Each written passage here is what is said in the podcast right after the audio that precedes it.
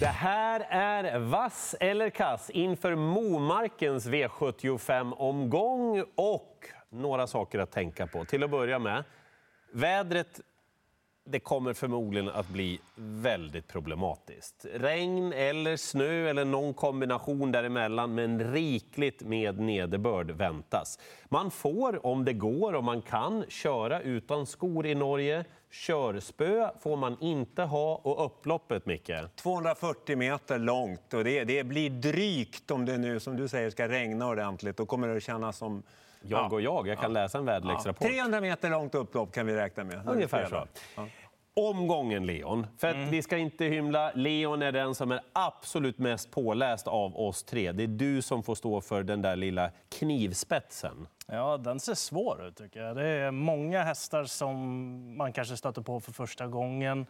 Eh, och det är många olika scenarion som kan hända. Mm. Men det som är viktigt att veta med Momarken, det är ju trots att upploppet är väldigt långt, så är det väldigt bra att sitta där framme. För det är svårt att ta de här metrarna Är det den där sista, sista kurvan? Den, alltså, den är knivskarp. Ja, ja. Och eh, då är det svårt att kunna hålla uppe farten där ute. Och liksom, det är snarare att man kanske tappar lite på täten eh, kontra istället att man knappar in i just den svängen. Vi sätter fart får vi se ja. var vi hamnar. Favoriten i V75s första avdelning heter Cash DE är just nu, när vi spelar in det här, ganska klar favorit tillsammans med Erlend Rennesvik som har fördel då i och med att han har tjänat mycket mindre pengar. Många meter till godo på till exempel Pantani och Admiral Knick. Ja, jag säger ändå att det här är ett lurigt lopp. Det är ändå lång distans och han ska hålla undan för... Jag gillar ju nummer 12 Pantani som vi har sett i Sverige vinna på V86. Eh, han gick utan på ledaren senast och höll bra. Så att eh, jag kommer absolut ha med Pantani, men jag kommer att gardera loppet. Och det är inte för att du gillar cykling? Nej, inte bara därför. Även om Marco Pantani var en fantastisk... Vad var han kallades? Mark, eh, ja, vad kallades han för? Piraten. Just det. Jaha, Mm. Nej, det blir eh, rött, även fast jag tror att det är han som sitter i ledningen. Jag tror att eh, Rittmeister Hill vill ha positionen ryggledaren och eh, sen Admiral Nick då, han behöver inte möta Ecurie D den här gången och det känns ju någonstans tilltalande, i alla fall till den procenten som är nu. Jag tycker också rött, därför att jag tycker att eh, favoriten är sårbar av flera anledningar. Jag tror inte han är snabbast i loppet, även om det är sagt att han kan rekordsänka. Eh, häst nummer ett, Rittmeister Hill, får en fin resa och gillar att vinna travlopp. Eh, fem Ian BR kan väldigt mycket i ljusa stunder. Jag tror det är fördelaktigt att han inte har startat på en tid, för han har ibland lite problem med fräschören. Och jag tror bästa hästen är 13 Admiral Knick. Det är vad jag tror om V75 1. Vi går vidare till V75 2. Konstaterar att det blev en kass favorit i V75 1. Andra avdelningen väldigt jämnt spelat när vi gör det här. Det är inte Spunsk som är favorit i loppet. Det är delat favoritskap mellan fem Ask-Leo och nio Stormjärven. Men det är Ask-Leo vi bedömer, Micke. Ja, då blir det nog kass. För det här loppet tror jag trots allt att nummer 9 Stormjärven vinner. Har aldrig förlorat, kommer med fem raka segrar. Ja, han är väl kanske inte helt stabil, det kan man se när man tittar i programmet. Men eh, jag tycker att han har imponerat så smått och räknar med att han eh, löser den här uppgiften. Han är tre år, jag vet, och han är orutinerad, men, men han har aldrig torskat. Nej. Det blir definitivt rött. Det blir många markeringar i det här loppet. Jag tycker första valet är Stormjärven på det som han har visat. Men Innerspår, 40 meters tillägg, en häst som ändå har galopperat förut i lopp. Det finns viss eh, oro även där, tycker jag. Så det som rekommenderas här är en bred gardering. Och bara för att nämna lite om mm. kanske hur mm. spelet är fördelat så kan man ta nummer åtta, här, Köllstad Jänta. Den vann från utvändigt ledan på ett ganska bra sätt i den senaste starten. Den spelar på 0 procent. Så rekommendationen är nog att ta rätt många. Jag håller också med. Eh, det är ett roligt V75-lopp därför att det är ston som möter hingstar, treåringar och fyraåringar och kallblod. Jag gillar nummer 12, Brännrön. Jag tycker att den har visat kvaliteter som gör att den skulle kunna mata ner det här motståndet. Ja. Eh, speciellt om det skulle bli tuffa förutsättningar. Jag funderar ändå om man inte klarar sig på hästarna 5... Ska jag ha med Kölstad-Jänta? Nej, alltså det var ju mest bara för att se, men i så fall, berätta hur spelet var fördelat. 5, 9, 12 är nog snålvarianten ändå. Mm. Mm. Även 11 Mjölnlok är inte så tokig i grunden heller. Jag tycker den har gjort några fina lopp. Och det är väldigt låg procent även där. Så, ja, jag kommer gardera brett i alla fall. Klurigt. V- V75s tredje avdelning. Jättefavorit när vi spelar in det här. Den drar på sig mycket spel också. Det är Knut Robin Dalsbotten som kör Quando Bailando. Ja, det blir i alla fall Oj, rätt. det För, small där. ehm, Rare Glide och eh, den här hästen Quando Bailando, de möttes i den senaste starten. Rare Glide var långt ifrån slagen när galoppen kom två, i alltså. sista sväng där. Och, ehm, jag tror att det kan bli revansch den här gången. Eh, ja, efter att ha hört er. Och, ja, men, jag, jag tycker väl att det är en häst som är alldeles för, för stor favorit. Eh, nummer ett, Comtessa de Changy gick utan på ledaren senast och höll bra. Kommer inte kunna försvara ledningen. Det är ingen startsnabb häst, men hästen är i kanonform och har ett bra läge. Eh, så att, eh, den tar man med om man garderar mer. Okej. Eh, jag tycker också att... och det är ju för att hästen är så stor favorit. Men jag tror ändå man ska vara medveten om att den har faktiskt en ganska bra chans att vinna. Eh, det får man nog ändå säga, men den är för stor favorit.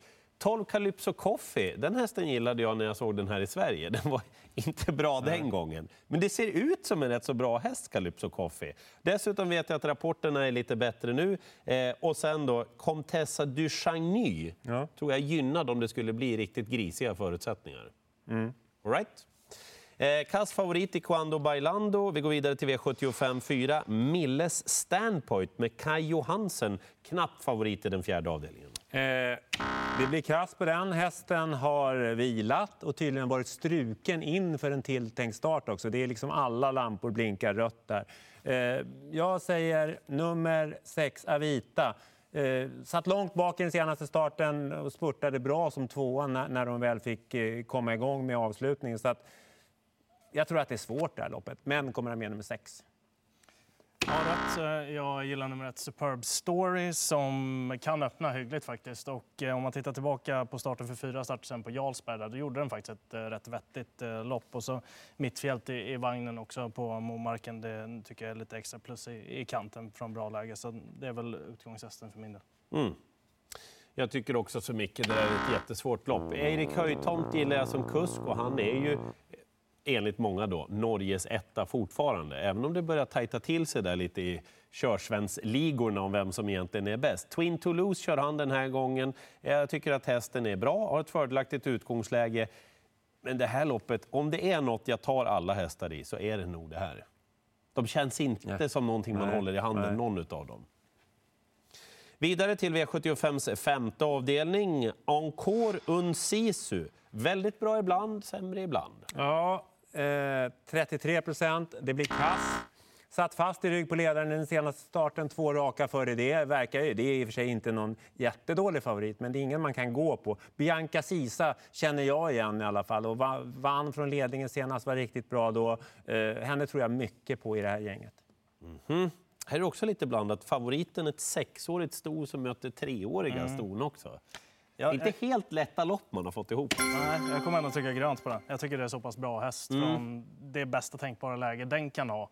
I och med att den öppnar lite ojämnt också. Så jag tycker att det är rätt favorit. Den kommer dock inte till någon ledning, för det tror jag Elena Bonanza tar. Och eh, då ska man veta också att det är stallkamraten till Ankoran Sisu. Sen om man letar bland de som är mindre sträckade så är ju 8 Hotess Darling en väldigt fin häst eh, som inte har gjort jättemånga starter på skandinavisk mark så här långt, men den ser ut att vara under utveckling.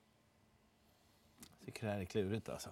Jag är nog ändå inne på att det blir vass på den. Det är så? Ja, men, dels för att hon är så mycket mer rutinerad än många utav dem. Hon har ju varit med mot ganska bra hästar den här. Och så det där du är inne på där.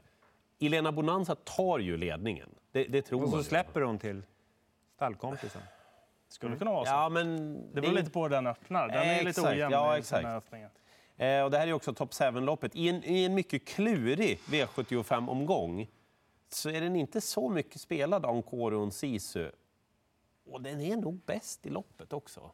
Så att ja, eh, just nu vass för mig och den är också favorit på Top 7-spelet. Vidare till V75s sjätte avdelning. Ulsrud Thea. Hon fightas ju om titeln som Nordens bästa kallblodiga sto tillsammans med Åsrud Vilja. Vad säger ni? Ja, jag, kan, jag kan börja. Jag säger grönt. För att hon ska bara vinna det här loppet. Hon ska bara det. Jag vet inte vem Thomas Sverre Karlsson är, hur bra han är en kusk. ganska bra kusk som inte alltid kör i de stora sammanhangen. Men han vinner en hel del lopp, även om han inte kör i de mest upplysta loppen kanske, inte den som vinner V75-lopp till dagligdags. Sådär. Men ja, jag tycker han kör bra. Jag tycker han kör kallbloden bra också. Då, då ordnar det sig. Hon är ju ett av Norges bästa ston. Eh, motståndet är inte bra, tycker jag. I alla fall inte tillräckligt bra. Vad säger du, Leon? Det är Det frestande är, att gardera, det eller är hur? kort distans. Också. Eh, Så att eh, det, det får bli den där eh, röda knappen. Brännebanker nummer fem. Hoppas att den hittar till ledningen och kan testa att utmana. Du avgör, Per. Ja, jag tycker det här är jätteklurigt alltså. Det blir ändå så. På, på något vis så brukar hon lösa det. Hon har vunnit så kusligt mycket lopp, Ulsrud Thea också. Och även om man nu har, det har varit lite förändringar i hennes liv nu. Och det är inte optimala förutsättningar. Men hon trivs bra den här årstiden. Hon fungerar på de flesta balanser och underlag. Och hon har ju en enorm speed att tillgå alltså. Och ska jag säga någonting i tillägg? Hon är ju den som står för den stora segersugenheten i det här gänget. Och Så det är kan man inte helt... definitivt uttrycka Ja, men det är inte helt oviktigt ändå. Nej. Okej, sista avdelningen på V75-spelet. Eh, Vi konstaterar att Ulsrud T blev vass då, även om jag tror att många kommer att försöka fälla henne. Gogo Hall är den att bedöma i den sista avdelningen. Här har vi lite mer kändisar, Micke. Ja, det här är hästar som man kan och vi har ju sett Gogo Hall ganska många gånger. Han vann på ett ganska bra sätt från tredje par utvändigt senast, men jag tycker också att det här är ett ganska jämnt och bra lopp som du säger. 12 Royal Baby brukar hävda sig bra i sådana här sammanhang. Det var startgalopp näst senast, den avslutade hästen riktigt bra. Eh, spår 12 är ju inte idealiskt, men om det blir jobbiga förhållanden så kan det bli långt i mål för de andra. Jag är ändå lite inne på att eh, han är rätt favorit. Det tycker jag. För så pass bra klass har den hästen i, i grunden. Sen finns det såklart motbud i det här loppet. Red Bar är ett, ett av dem, nummer åtta. Och som du var inne på, Royal Baby också. Det, det är hög topp på henne, men det är inte alltid det blir leverans där heller. Men på rätt dag så kan det absolut gå. Omgångens klurigaste lopp där egentligen ingen har toppform. Jag tror att det krävs många markeringar. Jag skulle säga att Royal Baby är den som är mest spännande. En häst som är väldigt kvick i benen, ni har ju pratat om henne. Men vi har kört en hel tävlingsdag i dåligt väder. Banan lär ju inte vara sjukt bra när vi når V75 Och då lär det bli stumma ben alltså. Jag tror man ska titta på högersidan i programmet för att ja, Harley DE, Etna BR ja, och Royal Baby, jag tror deras spurt kommer att bita jättebra. Okej, vi sammanfattar den här omgången och den är svår. Två vassa, men med lite darr på manschetten. Det får man nog ändå säga. Eh, Ulsrud Thea blev väl den som man kan enas om är den som har störst segerchans i hela omgången. Enligt mig och Micke i alla fall. Så måste det vara. Det, det tycker vi. Förmodligen är det ju så. Men eh, i och med att det är kortdistans så kan man ju tänka sig prova i alla fall. Mer information finns såklart på ATG.se i form av skrivna intervjuer och vi laddar upp rörligt material där också. Lycka till med spelet V75 Momarken.